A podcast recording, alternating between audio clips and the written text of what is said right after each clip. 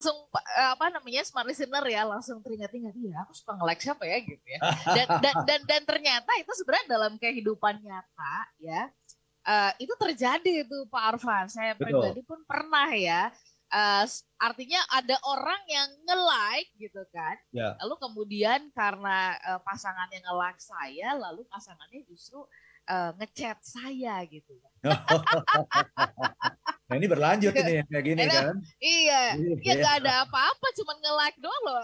What's iya. wrong gitu ya? Oke, tapi benar yang Pak Arfan bilang ya, ada rasa cemburu di sana. Tapi ini munculnya dari mana sih?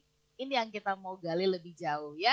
Smart listener, boleh uh, mungkin uh, pertanyaan awal dulu nih ya kepada smart listener sendiri ya. Apakah Anda tergolong uh, yang tipikalnya nih pasangan yang cepuan? Ya. Kalau di review-review ya atau Anda tergolong yang cuek dan eh, cenderung cuek karena udah trust banget, udah percaya banget gitu sama pasangan Anda. Silakan boleh di-sharing ke 0812 11 12 959 sama uh, mungkin cerita sedikit apa sih yang paling membuat uh, atau yang menjadi pemicu paling sering ya Anda tuh cemburu kepada pasangan apakah karena pasangan uh, misalkan rajin dandan gitu ya misalnya gitu ya atau kalau ke yang lain sangat ramah gitu Anda merasanya gitu. Tapi kalau sama Anda kok kayaknya nggak gitu ya agak kaku ya. Silakan Anda boleh langsung live chat ya di di WhatsApp kami di 0812111299 atau di YouTube di kanal Smart FM. Baik, Pak Arfan, mari kita bahas lebih jauh ya kata orang ini saya juga sudah lama dengar bertahun-tahun lamanya gitu ya berpuluh-puluh tahun malah ya sudah ya. turun temurun diwariskan. Bahwa kalau pengen ngecek apakah pacar kamu cinta apa enggak lihat dia cemburu apa enggak tuh gitu. Kalau nggak cemburu ah ada papanya nih gitu ya. Nah cemburu itu sebenarnya apa sih? Boleh nggak kita ya. berangkat dari situ tuh Pak Arfan? Silakan Pak. Ya terima kasih banyak Mbak Ola ya. Kita perlu memahami dulu ini uh, kata cemburu itu atau emosi yang namanya cemburu itu sesungguhnya apa sih gitu ya? Uh, yang paling gampang adalah uh, membedakan cemburu itu dengan saudaranya cemburu. Itulah yang namanya iri. In, iri, oke. Okay. Iri. Jadi ada iri, ada cemburu. Nah, itu supaya kita bisa memahami cemburu, kita pahami perbedaannya antara iri dengan cemburu. Apa itu iri? Iri adalah ketika kita menginginkan sesuatu yang dimiliki orang lain. Hmm. Orang lain punya kesuksesan, ya berhasil uh, mencapai target, kita pingin seperti itu. Nah, itu namanya iri. Orang lain jalan-jalan ke luar negeri, dia pasang di sosial medianya, kemudian kita pingin seperti itu. Nah, itu namanya iri.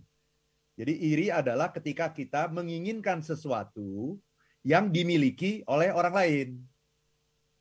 Nah, apa itu cemburu atau jealous? Cemburu itu adalah ketika kita takut kehilangan sesuatu yang sudah kita miliki. Hmm.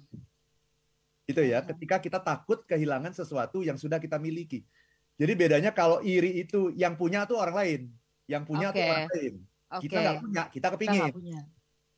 Oh, ini tergolong yang uh, cemburuan apa enggak ya gitu ya sama pasangan. Boleh sharing juga apa yang kerap menjadi pemicu cemburu Anda kepada pasangan. Kami tunggu dan kami kembali setelah beberapa informasi berikut Pagi ini kita ingin uh, mengajak memeriksa ini berarti kan ke dalam ya, seperti bertanya-tanya kita tuh kalau itu sebenarnya karena memang tanda cinta atau gimana sih ya? Tadi Pak Arfan sudah mengawali cemburu berarti karena kita takut, kita udah mempunyai, udah memiliki takut kalau diambil orang gitu ya. Nah pertanyaan saya gitu, kalau itu takut diambil orang kan sebenarnya ada di wilayah kita gitu. Apakah sebenarnya kita punya uh, power, punya kekuatan menjaganya? Kalau sampai hilang, berarti kita nggak sih yang nggak bisa menjaga? Gimana tanggapan Pak Arfan? Silakan. Very good question ya. Ini pertanyaan yang bagus sekali. Dan uh, pertanyaan ini akan membuka uh, banyak ke sesuatu yang di bawah sadar kita gitu. Ya, ya. ya. Jadi kan begini. Kalau yang namanya iri tadi apa? Iri adalah ketika kita menginginkan sesuatu, sesuatu yang dimiliki, yang dimiliki orang, orang ya. lain. Betul. Kita tidak memiliki itu. Sehingga sesungguhnya karena kita tidak memiliki itu, itu di luar wilayah kekuasaan kita. Hmm. Itu ya yang namanya iri. Sementara yang namanya cemburu adalah ketika kita sudah memiliki, uh-huh. tapi kita takut yang sudah kita miliki itu diambil orang. Nah ini kan aneh sebenarnya kalau dipikir. Uh-uh. Jadi antara pikiran sama emosi ini kan nggak sinkron sebenarnya gitu, ya. Yeah. Kenapa saya bilang tidak sinkron? Karena sesuatu itu sudah kita miliki, Mbak Ola. Itu bedanya dengan iri. Kalau iri kita belum memiliki itu. Kalau cemburu kita sudah punya itu. Berarti itu sudah ada di dalam wilayah dan tanda petik kekuasaan kita. Lah, kalau sudah ada di dalam wilayah kekuasaan kita, kenapa kita takut? Dan yang namanya cemburu itu selalu Mbak Ola, selalu menghadapi kompetitor. Ya. Rival. Ya. Yang menarik, rivalnya itu atau kompetitornya itu selalu pendatang baru. Hmm. Itu ciri dari cemburu. Selalu yeah. pendatang baru. Jadi ini beda dengan kalau kita berkompetisi dalam bisnis. Kalau kita berkompetisi dalam bisnis, perusahaan A, perusahaan B, misalnya kita sedang ada tender gitu. Uh-huh. Biasanya kan kompetitor kita itu justru pemain lama ya. Yeah. Pemain-pemain yang sudah kawakan gitu ya. Iya. Yeah. Yang aneh dalam uh, yang namanya cemburu itu, pemainnya itu pasti pemain baru. Hmm, hmm, hmm, rival kita itu rival yang baru tiba-tiba muncul gitu. Iya, iya, iya, iya mengkhawatirkan kita. Nah, pertanyaan Mbak Ola bagus sekali. Bagus sekali. Kenapa saya bilang bagus sekali? Karena lah itu kan sudah kamu miliki, kan kamu sudah miliki itu, kan itu di, di dalam wilayah kekuasaanmu. Kenapa kok kamu takut diambil sama orang? Berarti sesungguhnya ada masalah dengan dirimu. Uh-huh. Yaitu yang namanya insecurity. Uh-huh. Jadi dasar dari cemburu itu sesungguhnya adalah insecurity. Perasaan tidak aman, perasaan tidak nggak pede gitu sebenarnya. Lah, ini kan sudah punya kamu. Kalau kamu merawatnya dengan baik, kalau kamu menjaganya dengan baik, ya, kalau kamu mempunyai hubungan yang uh, mesra dengan pasanganmu, kenapa kamu takut pasanganmu diambil orang? Kalau kamu takut pasanganmu diambil orang, itu menunjukkan nomor satu, kamu tidak percaya diri. Ya kan? Kamu nggak percaya diri bahwa kamu bisa menjaga pasanganmu, bahwa kamu cukup menarik bagi pasanganmu. Kamu nggak yakin itu, kamu nggak percaya diri. Itu yang pertama. Yang kedua itu menunjukkan bahwa hubungan kamu dengan pasangan kita kurang harmonis, kurang levelnya kurang tinggi. Yang ketiga, kita nggak terlalu percaya percaya banget sama pasangan kita. Hmm. Itu mbak. Oke, okay. wow. Nah ini ini kemudian begitu mendengarkan penjelasan Pak Arfan ya, langsung mungkin ada pernyataan gini loh aku kurang apa ya gitu ya. Selama ini sudah memperhatikan pasangan ya, melayani dia dengan sangat baik menurut saya ya gitu ya. Ini kan ceritanya versi saya, ceritanya begitu. Selalu versi saya pasti ya. Iya, sudah memperhatikan, sudah mengasihi, sudah menyayangi, melayani semua kebutuhannya apa dan sebagainya.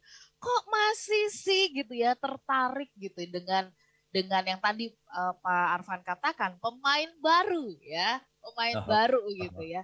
Nah ini mungkin akan ketika mendengar penjelasan dari Pak Arfan akan mengatakan saya yang sudah terluka saya yang sudah tersakiti kenapa saya ya yang jadi harus mengkoreksi diri? Nah ini nih Pak Arfan. Ya. mohon tanggapannya nih mengenai hal ini. Silakan Pak.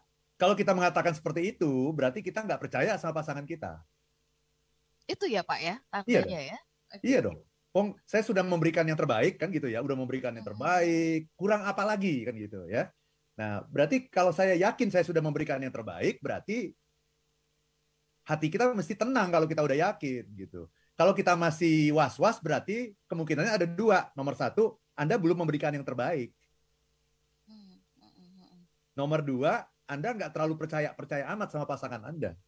Karena kalau Anda sudah memberikan yang terbaik dan Anda percaya sama pasangan Anda, dia akan hmm menghargai setia dan sebagainya, ya nggak apa-apa lah. Dia makan siang dengan seorang klien, mungkin ada sebuah kepentingan bisnis yang ingin dibahas, silakan saja.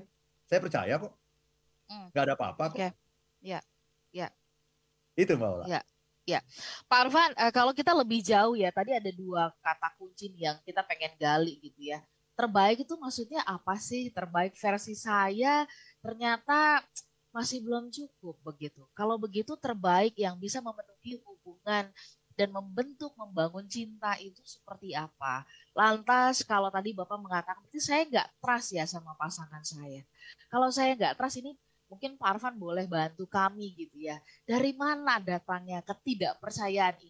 Padahal ketika dulu saya mengatakan yes gitu ya, mau sama dia gitu ya, menikah sama dia, saya kok kayaknya percaya banget bahwa hidup saya itu akan bahagia gitu loh bersama-sama dengan dia. Silakan Pak Arfan. Ya terima kasih Mbak Ola. Jadi terbaik versi siapa? Nah ini kita sering kali kegeeran. Iya, iya. Kita menganggap yang terbaik itu selalu versi kita. Padahal apa yang baik menurut kita belum tentu baik menurut orang lain gitu. Iya kan? Jadi kita harus selalu bertanya nih. Oke. Okay. Kita harus selalu cek and recheck. Jangan terlalu pede gitu ya. Kita cek and recheck.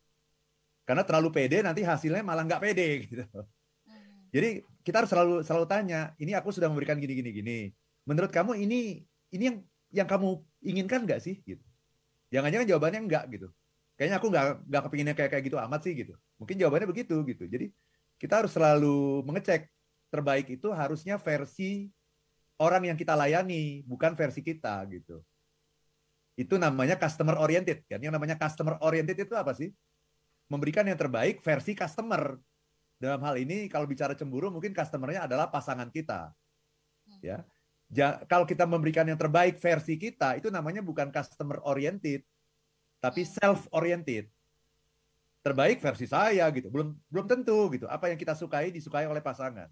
Nah, yang menarik adalah mestinya apa yang penting bagi pasangan penting juga menjadi penting saya. bagi Anda hmm. sebagaimana arti pasangan itu untuk Anda. Hmm. Apa yang penting bagi pasangan buat saya sih nggak terlalu penting. Misal contoh ya, istri saya suka belanja misal gitu ya. Misalnya belanjanya apa? Misalnya katakanlah belanja jam tangan atau belanja tas gitu ya. Bagi saya mungkin nggak terlalu penting gitu. Tapi karena istri saya penting bagi saya, maka apa yang penting bagi dia menjadi penting juga bagi saya. Mm-hmm. Itu Mbak okay. Ola. Jadi ya, apa yang ya. penting bagi orang lain itu menjadi ya. penting ya. bagi kita sebagaimana arti orang itu bagi penting. kita. Gitu. Siap. Oke, ini bagus banget kalimatnya ya smart listener ya. Kita jeda dulu sambil meresapi okay. apa yang disampaikan ya. oleh Pak Arfan. Jangan uh, jangan berat-berat amat sambil seruput aja kopi atau tehnya ya. Oke, kami kembali setelah beberapa informasi yang berikut tetaplah bersama dengan kami dalam Smart Happy.